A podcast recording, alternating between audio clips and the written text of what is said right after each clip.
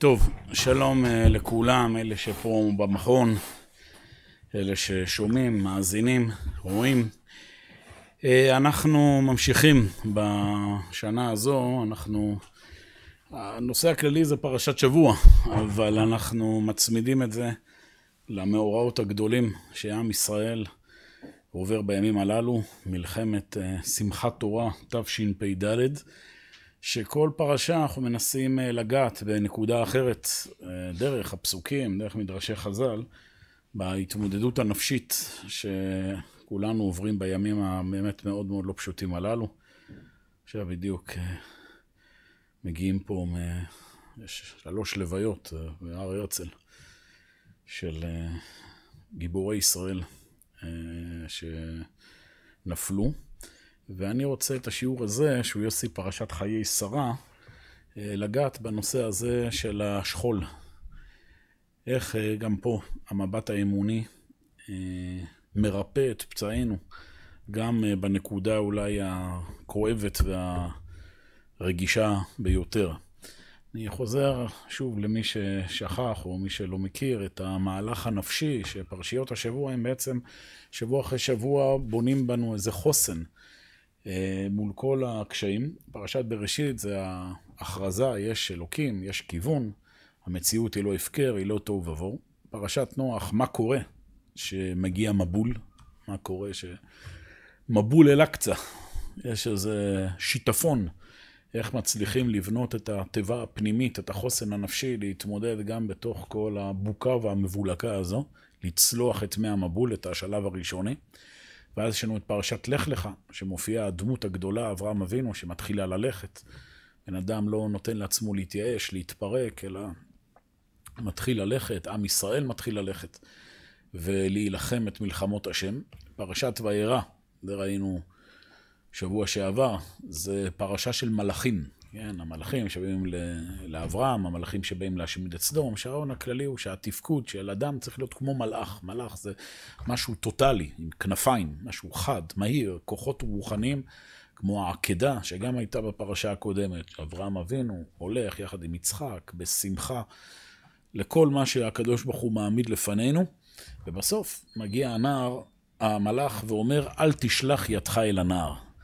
עכשיו פרשת חיי שרה, אנחנו מתעסקים מה קורה שהיד כן נשלחה אל הנער. פרשת חיי שרה, אני רק עושה פה את התזכורת במה היא עוסקת. יש שלושה נושאים מרכזיים שפרשת חיי שרה עוסקת. הנושא הראשון, שעל שמו זה הפרשה, זה מותה של שרה והקבורה שלה במערת המכפלה. שבת חברון, כולנו מכירים, זו שבת מאוד מיוחדת. החלק השני עוסק בשידוך בין אה, רבקה ליצחק, דרך הסיפור עם אליעזר שמגיע, הנערה אשר תאמר שתה וגם לגמליך אשקה, היא הנערה אשר הועיד אה, הקדוש ברוך הוא. וסוף הפרשה עוסקת במותו של אברהם. אברהם אה, נוטה למות, גם יש שם תיאור מה הוא עושה עם בני הפילגשים.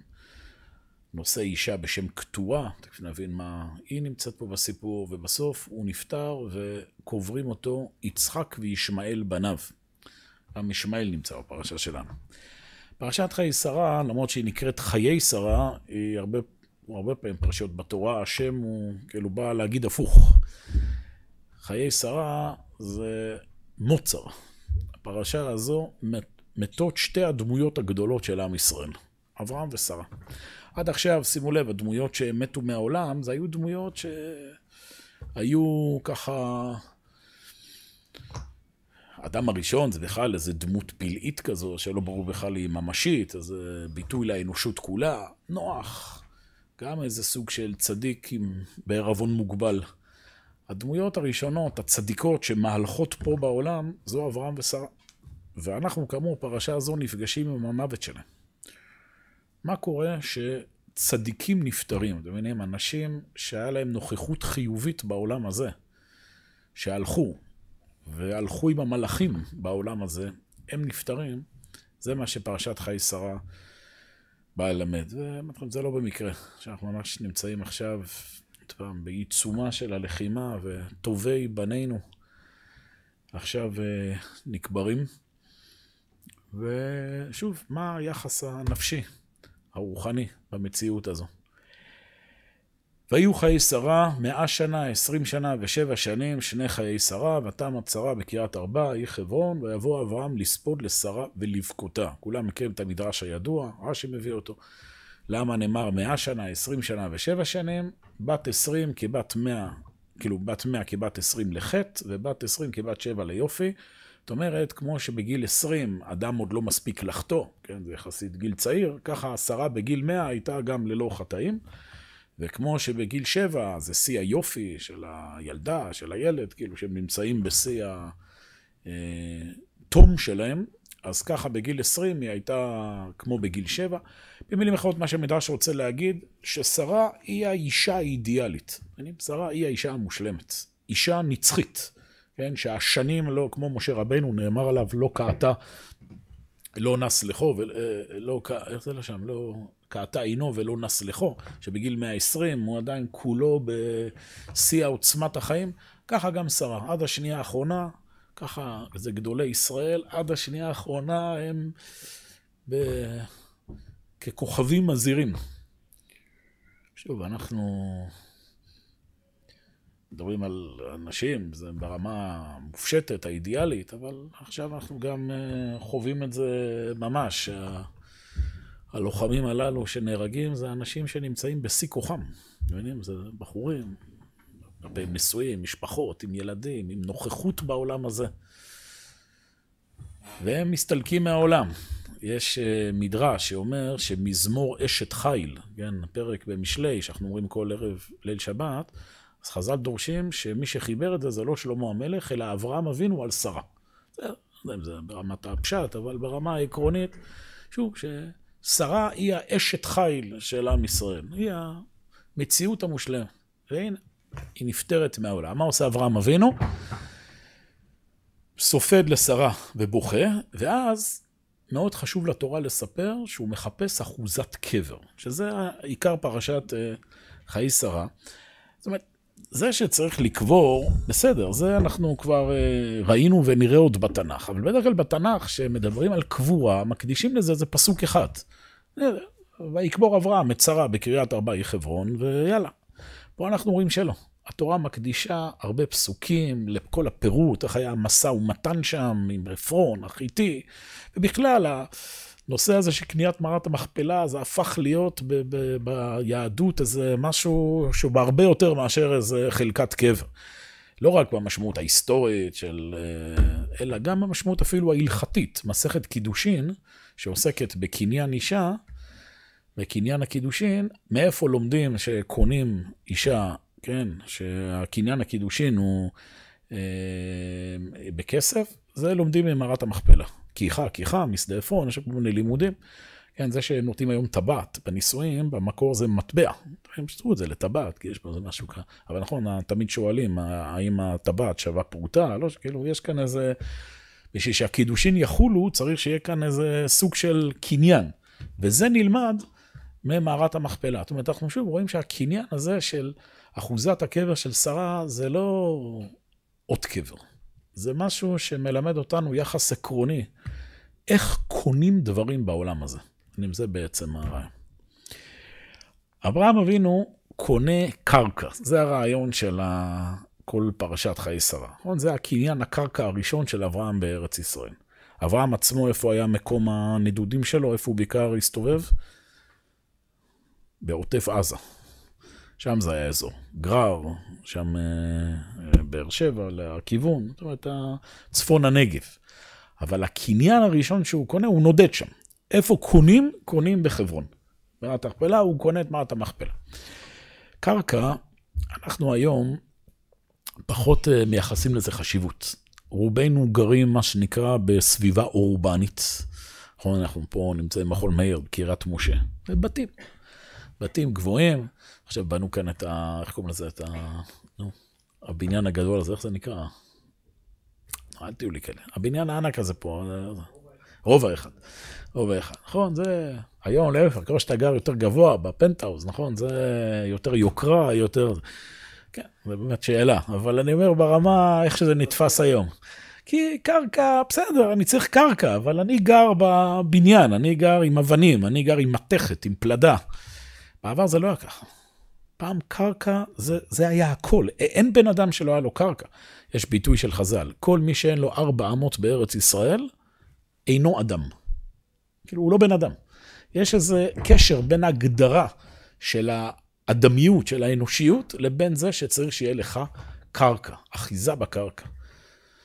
משהו יציב פה בארץ. אגב, סתם תופעה מעניינת, אם יש דיון כלכלי עתיק יומין, מה עדיף מבחינה כלכלית? האם עדיף לקנות בית, או עדיף לגור בשכירות ואת הכסף להשקיע בבנק? זה דיון שלא הוכרע, עד כמה שלי ידוע באופן חד משמעי. באמת, יש אה, מדינות בעולם, יש תרבויות שאנשים גרים בשכירות, כאילו זה הסטנדרט. בעם ישראל, במדינת ישראל, יש תופעה מעניינת, שיש סוג של אובססיה לקניית בית. נכון? זה הורים, מתי הם מרגישים שהילד מסודר בחיים? זה שהתחיל לשלם משכנתה. עכשיו מה, זה 30 שנה, זה, זה עוד פעם, מבחינה כלכלית יצא שהריבית וזה, עדיף לך לשים בבנק וזה. אבל אין, אדם רוצה להרגיש את הקניין. למה? למה כל כך חשוב קרקע מבחינה פסיכולוגית? ההסבר הפשוט הוא שבעבר קרקע זה חקלאות. אתם מבינים, פעם קרקע זה לא רק היה בשביל תחושת היציבות ושיהיה לילדים איפה להסתובב וככה לשחק ולשים את הטרמפולינה באחרי צהריים. זה, זה מי שאין לו קרקע, אין לו איך לאכול. זה, זה 99% מהאוכלוסייה היו חקלאים. אבל זה דבר מעניין. אנשים לא תמיד היו חקלאים. האנושות, לפני שהתחילה המהפכה החקלאית, המהפכה החקלאית, לפי היסטוריונים, זה משהו בין 6,000 ל-10,000 שנה. לפני שהייתה מהפכה חקלאית, איך בני אדם חיו? איך היה להם מה לאכול? בואו תחשבו. לפני שאנשים, תראו, לגדל חקלאות זה משהו לא פשוט, צריך לזרוע, לקצור, זה פה ניסיון, זה תהליכים של דורות עד שלומדים ל- ל- לפרנ... להתפרנס מהאדמה. איך בני אדם לפני זה, האדם הקדמון, איך הוא התפרנס? ציד או שמעתם פעם על המושג ציידים לקטים? ציידים לקטים, איך בן אדם לפני 6,000 שנה היה חי? היה כל בוקר מחפה ציד, או ליקוט, לוקט מה שנקרא פירות בר, פטריות, דברים שגדלים בטבע בלי שהוא גידל. עכשיו שימו לב, כשאדם הוא צייד לקט, יש שני, מאפי, שני מאפיינים מרכזיים. דבר ראשון, צייד לקט הוא נודד. אין לו מקום יציב. אני עכשיו מלקט לי פטריות באיזה יער, אוקיי, אבל עכשיו יש שלג, הקרקע מכוסה בשלג, אני חייב לנדוד. אז אדם כל הזמן מסתובב לו. זה אחד. שניים, יש עוד נגזרת. כאשר צייד לקט, אתה יכול לפרנס מספר מאוד מצומצם של פיות. עוד פעם, כל יום אני הולך לצוד וללקוט, אני לא כל יום צד עדר ממוטות, נכון? יש לי פעם ב... אז אני יכול לפרנס אותי, אולי איזה משפחה גרעינית של אישה ושניים, שלושה צאצאים, אני לא יכול לפרנס שבט. צייד לקט הוא גם נודד והוא גם בודד. זה ה... לפי היסטוריונים, עד לפני בערך אלפי שנים, בכל האנושות, בכל הגלובוס, היו מיליון איש. זו הערכה שלפני עשרת אלפים שנים, זה פחות או יותר היה מספר פני אדם. אמ, תכף נבין מה זה השנים שאנחנו מונים, ה' אלפים תשפ"ד, אבל בערך לפני 6,000 שנה, 10,000 שנה, התחילה המהפכה החקלאית. בני אדם למדו לגדל גידולים, שזה גם, תחשבו איך זה קרה. אנשים הרי אספו גרעינים, למי היה את האומץ, הטירוף, לקחת את הגרעינים שאספנו בעמל רב ולטמון אותם באדמה. זה היה איזה סוג של משוגע או משוגעת שעשו את זה. אבל הם עשו את זה, ושנה אחרי זה, שהמשפחה הגיעה שוב לאותו אזור, ראו שוואל, צמח איזה משהו, וזה התחיל לפתח את הרעיון שאפשר... אה, ברגע שהמהפכה החקלאית התחילה, קורים שני דברים. ראשית, מתחילים יישובי קבע. זהו, כבר לא נודדים, הפוך. אני נשאר בקרקע שאני צריך להגן עליה, וכי אני צריך עוד חצי שנה לקצור ולזרוע, זה יעלה. דבר נוסף, שוב, אפשר לפרנס הרבה אנשים. שדה חיטה אחד, אתה יכול כבר לפרנס, לא יודע, עשר, משפחות. במילים אחרות, מתחילה למעשה הציוויליזציה. עד שמהפכה חקלאית, בני האדם היו כמו בעלי חיים. הם היו בודדים, שורדים, נודדים. ברגע שעכשיו כולם חקלאים, מתחילים יישובי קבע. יישובי קבע זה כבר משהו שמפתח תרבות, נכון? כי יש כבר שבט שמונה כמה עשרות משפחות, שהם עכשיו לאורך דורות, גם הילדים שלהם ממשיכים את ה... לשמור על הנחלה, ואז מת, מתעצב פולקלור משותף, הם יושבים יחד בערבים ומספרים סיפורים, ולא יודע, ואחד הילדים הולך אל הנחל, הרי זה היה עד מקורות מים, והוא לוקח משם איזה כנסוף והוא שורק, ויוצא איזה מנגינה, ואז כבר עוד 50 שנה אחרי זה, זה עוד אחד מוסיף, ומתחיל להיות מוזיקה שבטית. מתחילה להיווצר תרבות.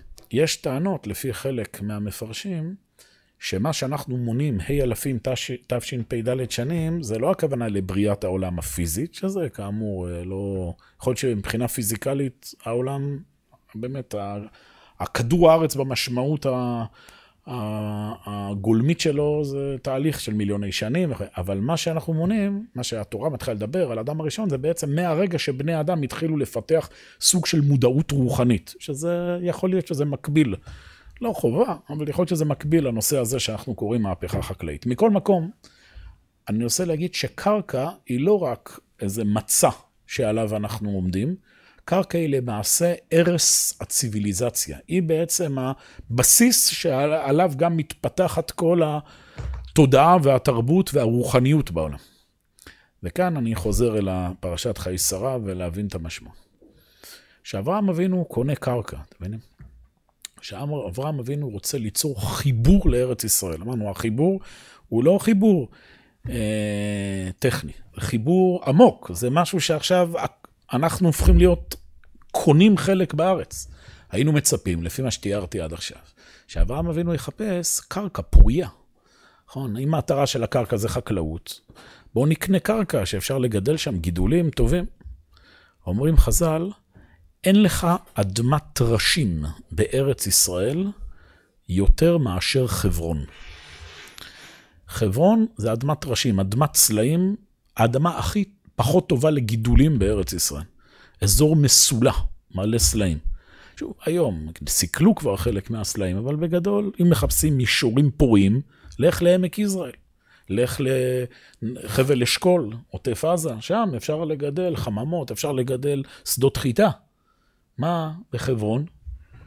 תגידו, אברהם אבינו לא חיפש קרקע פוריה, הוא פשוט חיפש אה, שכנים טובים, אנשים טובים. פשוט חברון זה אזור כזה עם, אה, עם שכנים, אה, מכירים את ה... יש כזה סיפור, אה, דירה להשכיר, של לאה גולדברג, יש כזה. הנעים השכנים בעיניך. אומרת התורה לא. מה יש בחברון? אחימן ששי ותלמי ילידי הענק. פראי אדם חיים שם בחברון. גם בהמשך, שפרשת בספר במדבר, שהמרגלים באים לנדוד ולרגל את ארץ ישראל, כשהם מגיעים לחברון, הם רואים נפילים בני ענק. זה מה שמפחיד אותם. אומרים, לא, לא רוצים את הארץ הזאת, אנשים מסוכנים. וכאן, כאמור, זו הנקודה. אנחנו לומדים מכאן משהו חשוב. החיבור שלנו לארץ ישראל לא מתחיל מנדלן יוקרתי. חיבור שלנו לארץ ישראל לא מתחיל משכנים נחמדים, נוף, בגלל שכיף פה. לא. החיבור מתחיל מבית קברות. כשאברהם אבינו קונה את הקניין הראשון בארץ, מתחבר, חברון מלשון חיבור, מתחבר, הוא חוצב את הקבר הראשון. קבר זה מה שאנחנו קוראים נצח, חיי נצח. בבית קברות, אתם מבינים, אין הבדל בין עשיר לעני. בבית קברות, לאף אחד לא אכפת כמה חקלאי עשיר אתה. בבית קברות, גם לא חשוב עם איזה שכנים או איזה מעמד חברתי בילית בחיים. בבית קברות חשוב רק דבר אחד, החיבור שלך אל הנצח. אל תירא כי יעשיר איש, אומר דוד המלך, כי ירבה כבוד ביתו. כי לא במותו ייקח הכל, לא ירד אחריו כבודו. בשעה שנפטר אדם מן העולם, אומרים חז"ל, אין מלווים אותו. לא כסף ולא זהב. ואני תמיד נוהג להוסיף, וגם לא לייקים. מלווים אותו רק תורה ומעשים טובים. הלוחמים של עם ישראל, זה מה שמתברר במלחמה הזו יותר אולי מכל מלחמה עד כה. למי שעד עכשיו זה לא היה ברור לו. עכשיו זה ברור לכולם. המלחמה פה היא לא מלחמה על נדל"ן. המפלצות האלה שבאו להשמיד, להרוג, זה לא באו בשביל נדל"ן. הם לא באו בשביל אה, שכנות טובה, או כדי למצוא איזו איכות חיים יותר טובה. הם באו רק בגלל סיבה אחת, כי אנחנו יהודים. שוב, זה תמיד ככה. זה, אני אומר לכם, מימי אברהם אבינו. אבל יש מלחמות שככה הדברים יכולים להיות מבולבלים, כמו שלצערנו יש כאלה שהתבלבלו במהלך השנים. וזה גם יוצר, אתה מבין, לוחמים מסוג אחר. טוב, זה לא, אני פה איזשהו מוקלט, אני לא פה רוצה סתם להזכיר שמות וענייני, אבל הלוחמים שנופלים עכשיו זה, זה דברים שהם לא, לא אנושיים. הדמויות שנופלות, זה, זה מלאכים, מלאכים שאנחנו מאבדים בשביל הנצח. אנשים שמה שמוביל אותם זה לא האינטרס, אנשים שמובילים אותם אינטרס אישי, הם לא יעשו את מעשי הגבורה ש, שנעשים פה עכשיו.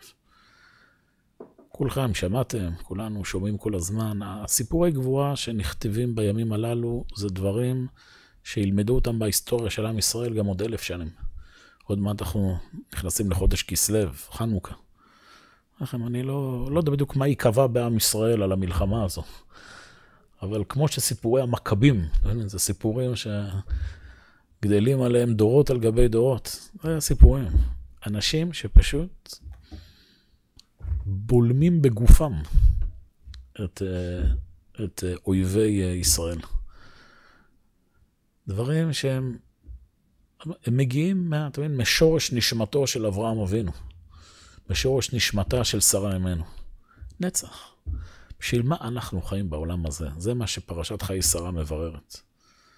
המלחמה הזו גם מבררת. בשביל מה אנחנו חיים בעולם הזה?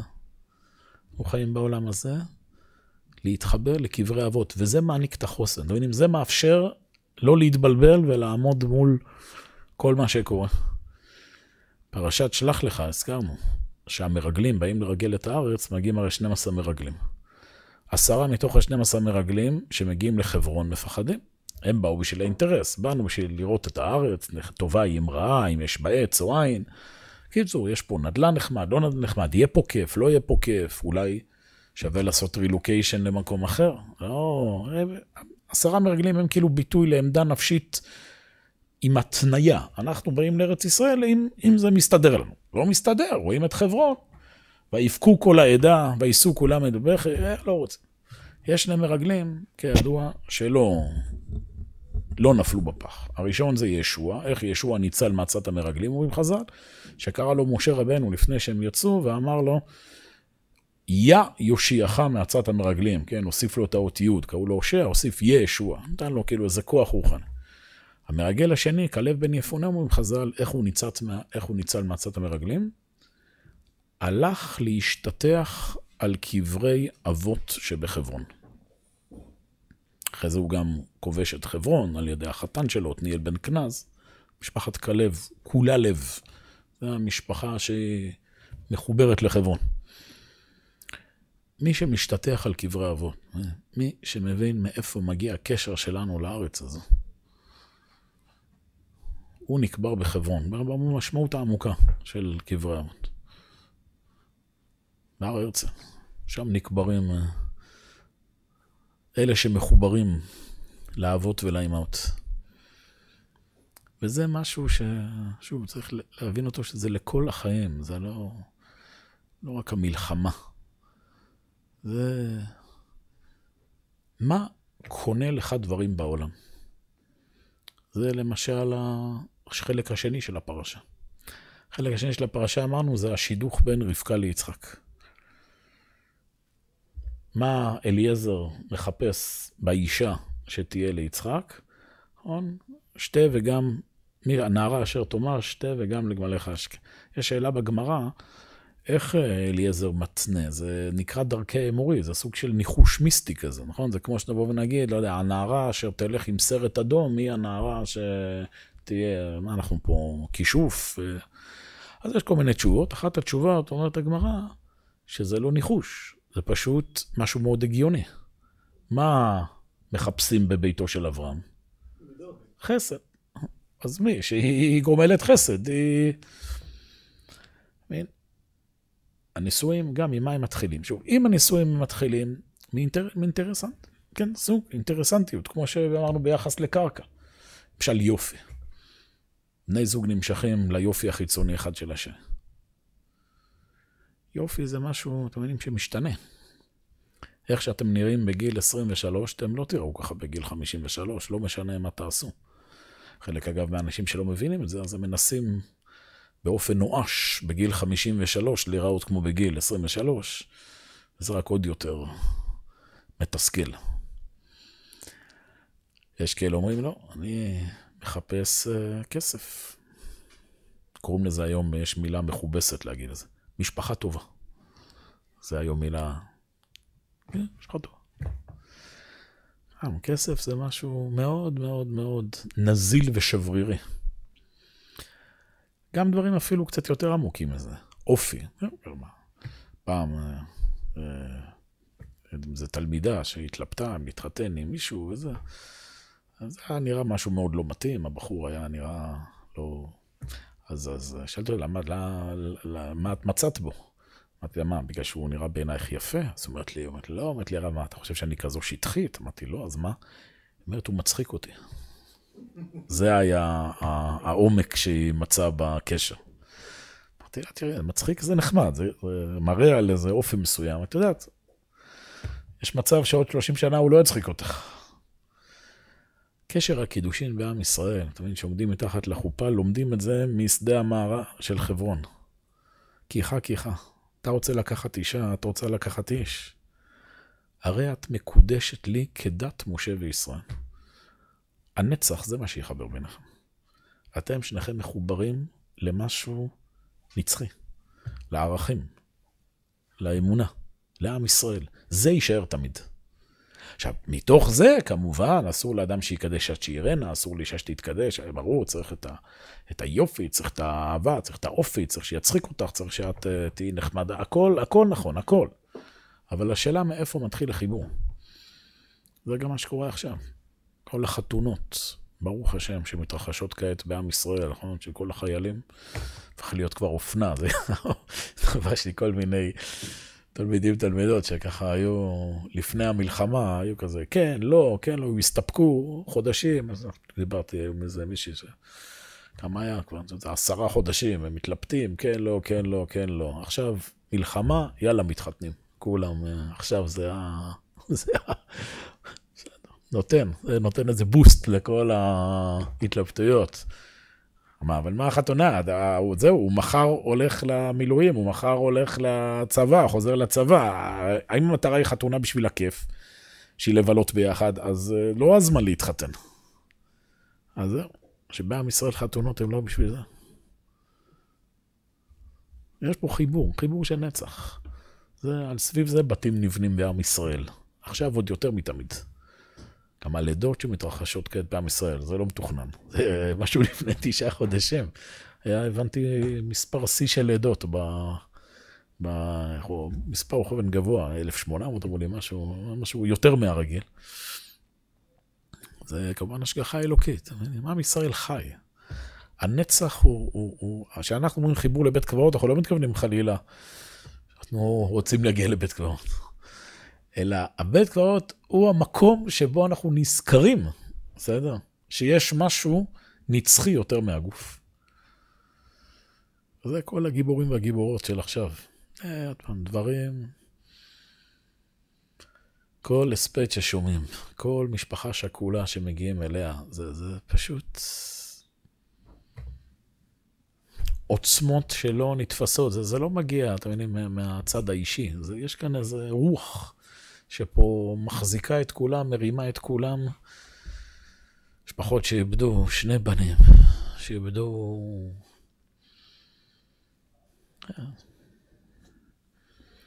זה גם מגדל אנשים, אתם גבורות שלא נתפסות, לא נתפסות. אני כל פעם מתלבט עם השיעורים האלה שהם מוקלטים, אני לא רוצה להגיד שמות כדי לא... אפשר לספר לכם משפחה, ואני לא יודע, להגיד את השם, לא להגיד את השם. משפחה שהייתה באחד היישובים ש...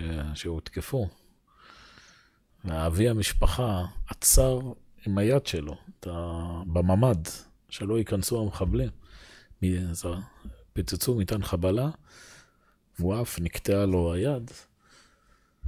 אה, באו, חושבים כיתת הכוננות, עטפו את המחבלים, כאילו בזכות המידע שלו, של כיתת הכוננות, ניצלו, אבל הוא שכב שם מבוסס בדמו, עם האישה והילדים, כלים קטנים, בחדר, עד שבאו לפנות. שאלתי שם את האישה, אמרתי, תגידי, מה, מה, מה עבר לך בראש בזמן שאת... אמרה לי, הדלקנו שירי סוכות, השמענו לילדים, שרנו והתפללנו עד שבאו לפנות, משהו כזה. יש דברים כאלה, זה לא מגיע ממשהו אה, אנושי. זה, זה אינסטינקט רוחני פנימי של נצח שקיים, אה, שחייל מסתער בקרב, דיברנו על זה גם פרשה הקודמת, על המלאכיות, כן, שהרמב"ם אומר שמלאך שמגלה גבורה בקרב, זה, זה, זה משהו שהוא לא מגיע מפה, מגיע מכאן. יש נצח, יש עם ישראל חי, ועכשיו עם ישראל חי, זה הטעות הגדולה של החמאס, לא קלטו את זה. אפשר להאשים אותם, הם לא, לא מבינים מה זה עם ישראל. אם הם מבינים מה זה עם ישראל, הם לא היו חמאס. אבל כל זה לא קולטים. פשוט יש גם ניתוחים של אנשים שהזהירו, שיש יכול להיות, שמעתי איזה רעיון עם איזה מישהו שגם הזהיר, זה שהצבא לא מוכן, וזה, אבל הוא אמר, יש דבר אחד, הוא אומר שלא צפיתי נכון. הוא אומר, אני פחדתי שבגלל כל הסרבנות והוויכוחים והסרוחים, אז עם ישראל, כאילו, צה"ל לא יצליח לתפקד. הוא אומר, בזה טעיתי. אה, זה משהו גם שלומדים אותו עכשיו בעולם כולו. איך עם תוך 12 שעות, עם מפולג, וזה הופך להיות מכונת מלחמה מטורפת. זה, שוב, זה משהו ש... שזה חברון. יודעים, זה הרעיון העמוק של, ה... של החיבור הזה. וזה מביא אותנו לסוף הפרשה. בסוף הפרשה יש את, אמרנו, את מותו של אברהם. כשאברהם מת, אז גם קורה פה משהו משונה. כתוב שאברהם מת, אז הוא בעצם סוגר פינות לפני מותו. דבר ראשון, הוא מביא את בני הפילגשים ונותן להם מתנות. בני הפילגשים זה כל מיני נספחים כאלה. אברהם אבינו, שוב, לא זורק אותם לכלבים. נותן להם מתנות, זאת אומרת, גם סוג של חסד, לתת לכל אחד את המקום שלו בעולם הגדול של אברהם, של החיבור, של הנצח. בעולם של עם ישראל, אם יש מקום לכולם. אחרי זה כתוב שהוא נושא אישה בשם קטורה. קטורה, מי זו קטורה, אומרים חז"ל? זו הגר. כן, הגר שהיא עושה את כל הבעיות, אז היא מגורשת מבית אברהם, ולאחרי זה כתוב כתורה מלשון קטיר, קטיר בארמית זה קש, קשר, שקשרה עצמה, שאף אחד לא ייגע בה עד שיחזיר אותה אברהם. זאת אומרת, היא עשתה איזה סוג של uh, תשובה. והיותר מכל, זה ישמעאל, פרא אדם. יודעים אם יש לנו עסק.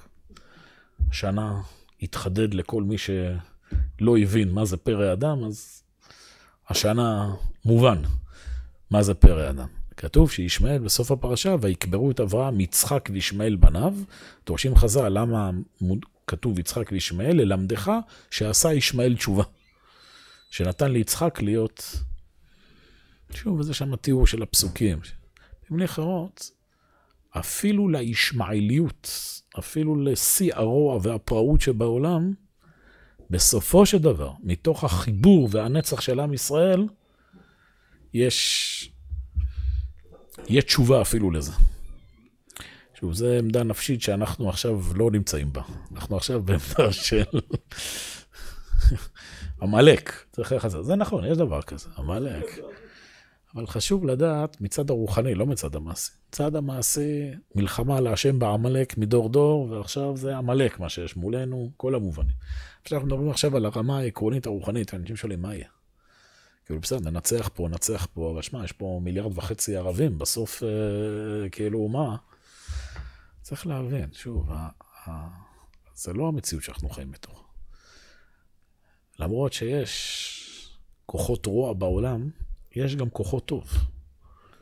בתוך המציאות שאנחנו נמצאים בתוכה. שוב, אני לא נכנס לניתוחים גיאופוליטיים, אסטרטגיים, צבאיים, זה לא התפקיד שלי. אבל uh, אתם מבינים שיש בעולם כולו, ואפילו בעולם הערבי והמוסלמי, יש כוחות שהם כן באיזושהי צורה, במעט שאני מבין, זה לא שכל העולם הערבי מתכנן לעלות למלחמה נגד ישראל. יש שם כוחות ששונאים את איראן יותר מאיתנו, ומחכים פשוט לראות שישראל חזקה, וזה יביא סוג של תשובה, גם אצל הישמעאליות. אני לא יכול לרדת לרזולוציה, כי לכם, זה דברים ששייכים לאנשים שזה המקצוע שלהם. אבל אני אומר, ברמה היהודית העקרונית, אני אומר, מבחינת העמדה שאדם לומד פרשת חיי שרה, שאדם באמת רואה את כל הכאב והשכול שעכשיו נמצא, והוא יכול להתגנב ללב איזה ייאוש, כאילו, שמע, זה, זה, זה לכאורה משהו אבוד מראש, עד, על הנצח נאכל חרב, כן, זה, זה הרי השורש של כל הייאוש של השמאל וזה, כאילו, מה, כמה אפשר ל, ל, לקבור את הבנים, כמה, אין סיכוי וזה וזה.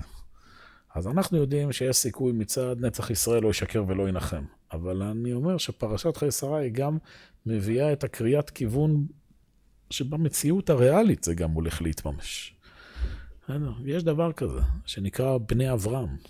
יש מושג כזה, שאברהם מאפשר אפילו לכוחות האלה למצוא באיזושהי צורה את אה, מקומם, וזה גם מה שיהיה בסוף. בזכות הגבורה והנצח שעכשיו אה, מתגלה, בסוף גם יהיה שלום, במשמעות האמיתית של המילה הזו. בסדר? יש כאלה שאומרים, לא, השלב הבא זה פצצת אטום על כל, על כל ארצות ערב, וזהו, מדינה, יישארו רק היהודים בעולם. לא, זה לא, זה לא החזון. החזון הנבואי זה משהו יותר מורכב מזה. זה עם ישראל הוא אור לגויים, רק שבשביל להיות אור לגויים, עם ישראל צריך להיות חזק. ולפעמים צריך עכשיו אה, להשמיד את העמלקיות. אבל uh, הידיעה, בסופו של דבר, בני אברהם זה משהו שייתן לכולם, אפילו לישמעאל, לעשות תשובה. זה צריך לזכור את זה. אנחנו כולנו נמצאים פה עכשיו בחיי שרה. ב... עכשיו נמצאים, אתם פחות או יותר בימי השלושים לשמחת תורה. עכשיו התחילו, התחיל לפני כמה ימים. שלושים ביהדות זה, זה מושג, יש שבעה, זה שבעת ימי האבלות הראשונים, שזה נקרא לזה שלב ההלם. נכון? שבעת ימי האבלות זה אדם, מי שחלילה חווה אבלות יודע. שבעת ימי האבלות זה אדם לא, לא... שלושים זה מעגל של, נקרא לזה, האבלות מתחילה קצת להתיישב בעולם, בנפש. מתגלח וזה, יש כל מיני כבר הקלות אלו ואחרות בדיני אבלות. כי, בגיל, כי ביום שלושים, ככה אומר המעבר יבוק, מעבר יבוק זה ספר קבלי. הוא אומר שבשבעה הנשמה עדיין אחוזה בעולם הזה. כאילו, במהלך שבעת הימים הנשמה עוד ככה מפרפרת לה בין העולם הזה לעולם הבא, ובעולם הזה, אין צדיק אשר יעשה אותו בארץ ולא יחטא, אז זה כאילו החוסר עיכול שלנו, של האבלות, זה נובע מזה שהנשמה באמת עוד לא, עוד לא התנקתה לגמרי, עוד לא עזבה לגמרי. שלושים, אומר המעבר יבוק, הנשמה מגועצת ומכובסת מהעולם הזה. שלושים זה כאילו, זהו, הנשמה נפטרה מכל השאריות הלא טובות של העולם הזה, ועכשיו היא... מגלים את המצבה ביום שלושים. נכון, את הלוח שיש, לוח אבן. מצבה זה מלשון מצב, יציבות. מגלים את המצב כמו שהוא. בשבעה אנחנו עוד לא מעכלים. בשלושים אנחנו מתחילים לעכל את המצב כמו שהוא. והמצב הוא שיש אחוזת קבר. אם זה הרעיון בעם ישראל כל כך חשוב, שיהיה קבר. מה זה חשוב? הגוף לא... אחוזת קבר. יש כאן משהו יציב שנשאר לנצח. זה לא סתם שפסיכולוגית, נכון? המשפחות שכולות, מאוד חשוב להם שיהיה מקום ל...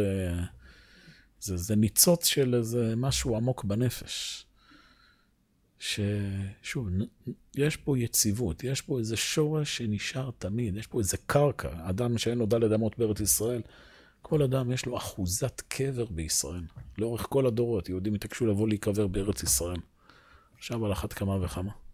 אנשים שנלחמו למען ארץ ישראל. של זה ביטויים בחז"ל, שזה מדרגות שאין כל בריאה יכולה לעמוד במחיצתה. וזה אגב במקור נאמר, על, על מי שמוסר את הנפש של עם ישראל, זה נאמר במקור על אנשים שמסרו את הנפש, מה שנקרא, באונס. כאילו שבאו הגויים, לקחו אותם, ו... תחשבו עכשיו את המעלה של אנשים שבאים מעצמם להילחם למען עם ישראל. זה אפילו מדרגה שאין כל הבריאה יכולה לעמוד במחיצה של אין כל בריאה יכולה לעמוד במחיצה, אז יש כאן איזה משהו שלא מהעולם הזה. אז זה צריך לזכור בימים הללו. ו...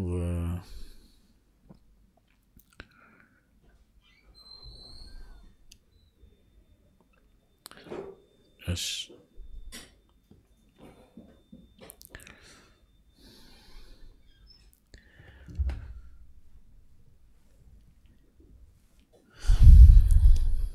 כמה תלמידים שאכלנו בימים האלה.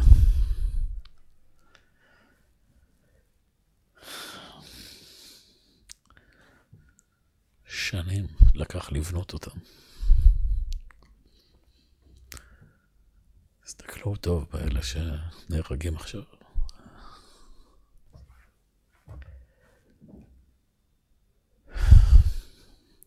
מה לא? בני תורה, אחד-אחד.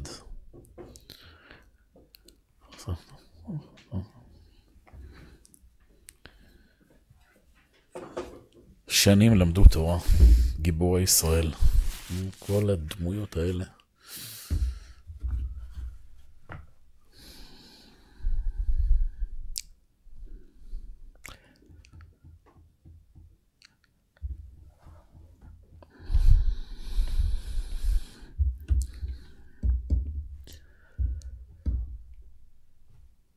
בסוף ניפגש איתם, רק תדעו את זה. אחרי 120 אה, שנה שלנו, כל אחד ואחד. חכו לנו שם בשמיים, כל הנשמות האלה. הם נמצאים בדיוק במקום שהם אה, צריכים להיות. אנחנו נמצאים בדיוק במקום שאנחנו צריכים להיות. וכמו שאמרה הפרשה, מאה שנה, עשרים שנה, שבע שנה, אנשים שנשארו, דמויות שנשארו לנצח. בעזרת השם, אנחנו נקום, יתעודד, עם ישראל ינצח, וכמו שאמרנו, בסוף המצב, המצבה, אחוזת קבר הזו, אנחנו בסוף אה, נגיע גם לשם. אנחנו גם אה, נתחבר איתם בבוא העת. שהשיעור הזה לעילוי נשמתם של הקדושים הללו, בעזרת השם. צור כן.